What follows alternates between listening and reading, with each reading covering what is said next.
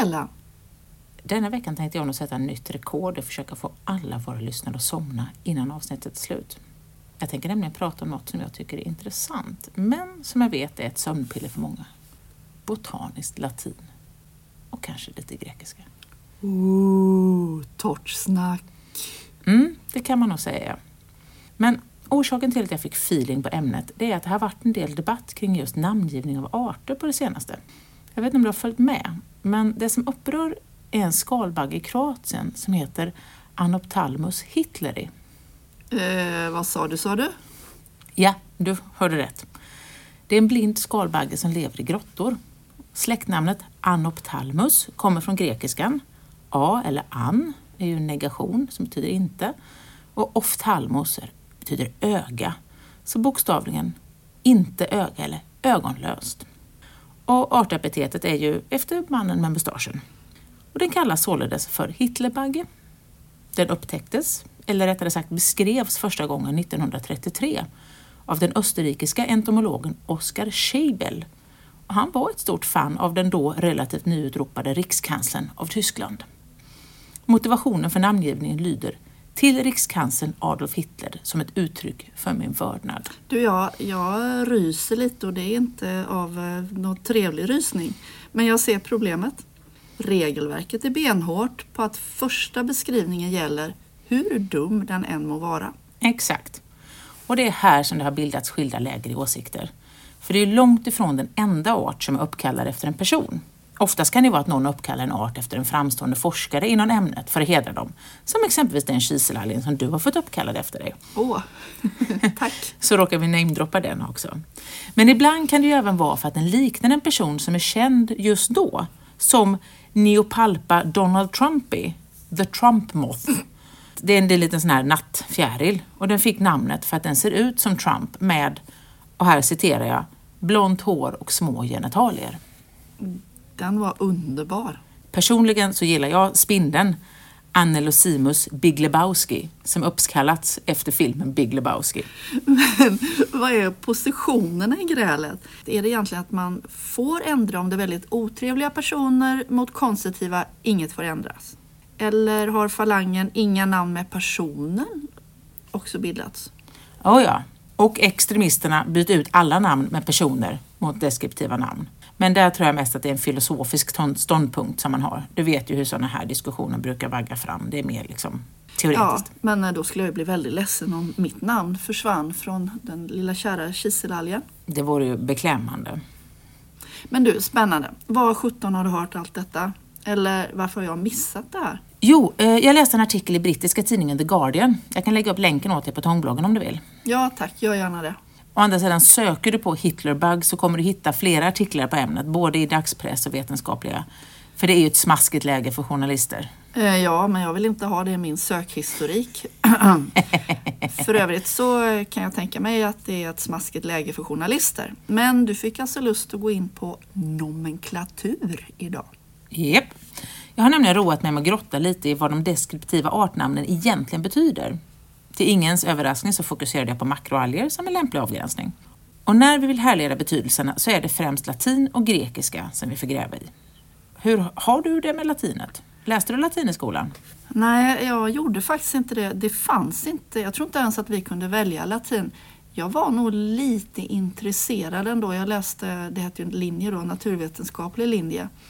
Och vi, nej, latin, jag vet faktiskt inte varför. Men eh, det hade varit roligt, det hade varit nyttigt. Mm. Ja, jag är inte heller något direkt språkhuvud, men jag tycker också att det hade varit kul att läsa en kurs i botanisk latin. Mest för att det är så härliga ord att uttala. Vissa rullar av tungan så lätt. Jag tycker om operculum.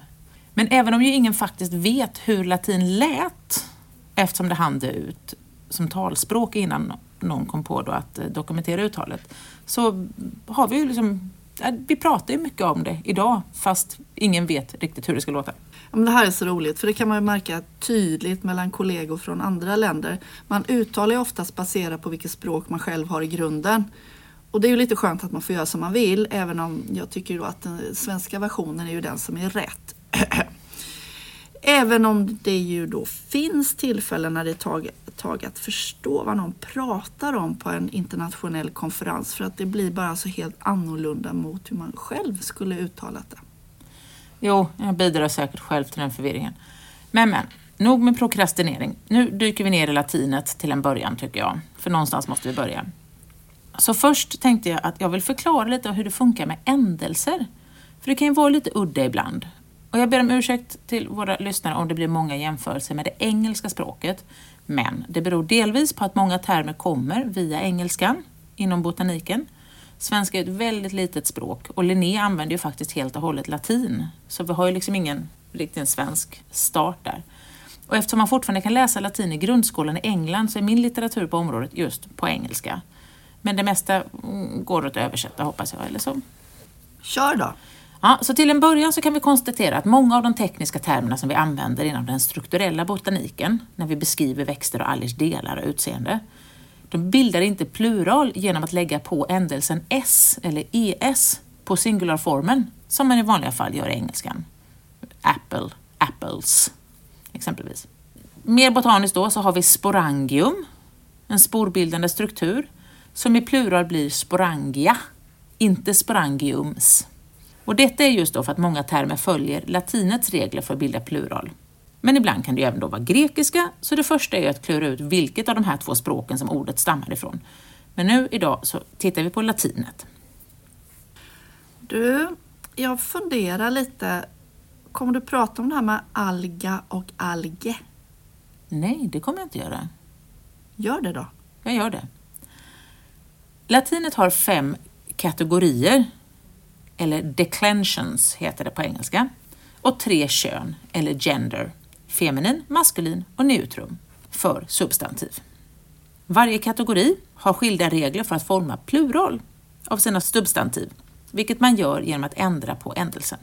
I kategorier där ordens gender varierar så blir ändelsen på ett ord dessutom olika beroende på vilket gender ordet har.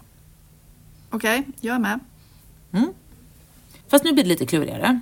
Ändelsen varierar även med vilken roll ordet har i en mening. Är det subjekt, objekt, possessivt pronomen etc. Och det var ju ett tag sedan man satt och funderade över dativobjektets roll och mening. Jag tror jag fick lite ont i huvudet nu, så det är några år sedan, ja. Mm. Men med det sagt så är det inte så svårt att använda latinska termer i engelska eller svenska som vi ju gör inom botaniken.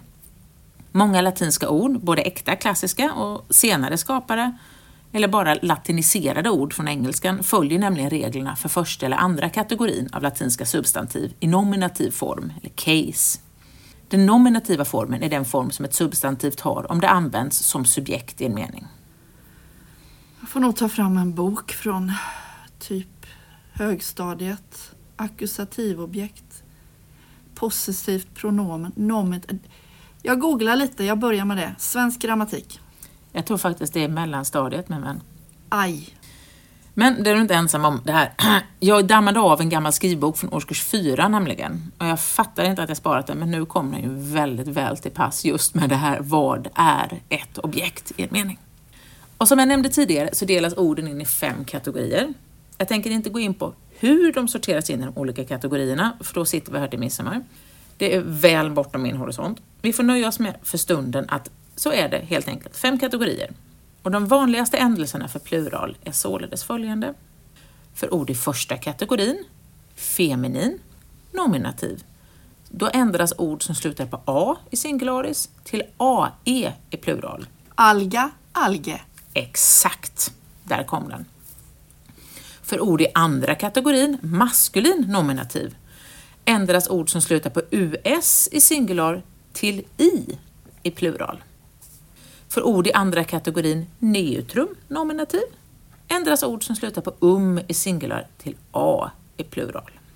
Så a blir ae, us blir i och um blir a.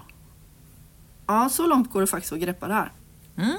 Men det finns ju då såklart undantag. Ordet genus, som är den term som används på engelska för släkte, alltså den taxonomiska nivån ovanför art, följer inte dessa regler. Det känns ju som att genus då skulle vara geni som plural eftersom den slutar på us som då ska bli i. Men pluralformen för genus är genera. Detta beror på att ordet genus då hör till tredje kategorin neutrum substantiv. Där bildas plural genom att a läggs till roten för ordet. Så för genus är roten gener och således blir pluralformen genera. Lätt som en plätt och jag är fortfarande vaken. Tänk hur många som har suttit och brottats med latin genom alla århundraden. Undrar hur många som faktiskt hade någon praktisk nytta av det. Mm. Alltså jag, jag, tycker faktiskt att det är rätt läckert att tänka på hur latin var det språk som hela Europa kunde kommunicera med varandra på. Och jag tycker det underlättar när man pratar om artnamn till exempel. Ja, och nu för tiden så är det inte ens något som går att läsa i skolan vad jag vet. Men kanske lika bra det. Det är ju säkert bättre att lära sig programmering som kommer bli framtidens internationella kommunikationsspråk. Och känner man ett behov av att veta hur latinbaserade ord ska formas i plural så är ordboken din vän.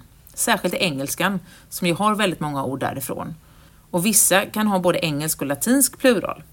Kaktus, som heter samma sak på engelska, kan bli både cactuses, klassisk engelsk pluralform med s, eller cacti, enligt latinet. Jag måste bara flika in att det finns faktiskt vissa gymnasieskolor där man fortfarande kan välja latin. Det finns det? Japp. Men åh vad roligt! Undrar om de kan... Är vi för gamla för att gå gymnasiet? Lite kanske. Vi får fjäska. För när vi skriver vetenskapligt så använder vi oftast de latinska eller grekiska ändelserna, men såklart har vi undantag. Exempel är den pollenmottagande strukturen i en blomma, stigma. Den blir till stigmas i plural istället för stigmatas. Okej, okay, jag tror jag är med. Skulle det vara helt fel att säga stigmatas? Man skulle väl kanske ändå bli förstådd. Ja, du har rätt. Okej, okay. ska vi köra några latinska termer som används i vetenskapliga engelskan i singular och se vad de blir i plural? Mm, jag är redo. Hit me. Läxförhöret startar nu. Tillväxten på blåstång sker högst upp i toppen som kallas apex. Vad heter då flera toppar? Mm. Har vi ett singular som slutar på ex eller ix, det får pluraländelsen ises, så det blir apices. Det gäller även för ord som index och matrix eller matrix. Det blir indices och matrices. Ja men bra där, jag låtsas som att jag kunde det. Organismgruppen lavar består av en alg och en svamp som lever i ett samspel. Det heter ju att de lever i symbios, men vad blir pluralformen för symbios? Mm. Symbios, det är det vi säger på svenska. Vi har tagit ordet och försvenskat det. Den latinska stavningen och engelska är symbiosis och då slutar det på is i singular och då blir pluralformen med ändelsen es, symbioses. Och på samma sätt blir det en analysis till flera analyses. Är det, är det samma analysis till analyses då om det är latin? Ja. ja. Nu tar jag en riktigt fin algglossa. De hanliga könscellerna, spermierna, som ju förekommer hos flera alger, de bildas i en speciell vävnad. Hos Fucus så innehåller ett sådant anteridium 64 stycken spermier. Vad heter flera anteridium? Umändelsen i singular blir till A i pluralformen eftersom ordet hör till andra kategorin neutrum. Så ett anteridium blir till flera anteridia. Ja, ah, kul! Haha, du kan. Du, det är spännande med latin och kul när man kan lite ord. Och då inser man ju plötsligt hur bra det är, som jag sa då, med beskrivande namn. Inom den terrestra botaniken så är det väldigt tydligt. När någon växt heter palustris som artepitet, då vet man att den växer i träsk eller myrmarker. Gummistövlar på, om man ska se på den alltså. Ja, och vill man inte bli blöt om fötterna så kan man leta efter de som heter pratensis, för det betyder att de växer på ängsmark. Och vill man ha lite skugga efter solgasset på ängen så letar man efter sylvestris som växer i skogen. Och vill man få full poäng på sin tentamen eller bara visa att man har lite koll på det här med botanisk latin så ska man inte glömma bort att kursivera artnamnen när man skriver dem på latin. Nej, här är jag lite känslig då. Plus att släktnamnet ska ha stor bokstav i början, men det ska inte artepitetet ha. Då får man avdrag. Och fast vi har påpekat det i tidigare avsnitt så tål det repeteras, men det är faktiskt så att det är stavningsprogrammen som ställer till det, så dubbelkolla. Vi kan också påpeka att det är bara om man går en kurs för Angela som man får avdrag. I verkligheten så kommer inte någon moralpolis och ger dig avdrag om du råkar skriva fel. Jag tänker väl mer att det snarare handlar om spöstraff i så fall. Du tänker så. Pisk med tandtråd på offentlig plats. Den är bra. Men du, jag känner att här blir det nog lagom att avsluta dagens avsnitt och väcka våra lyssnare med lite intromusik. Ja, men du, det, det känns väl lämpligt. Men eh, jag tycker att vi ska återkomma med mer latin och grekiska. Vad säger du? Ja, det är klart vi gör det. Men eh, inte idag. Ha det fint! Tjing tjing!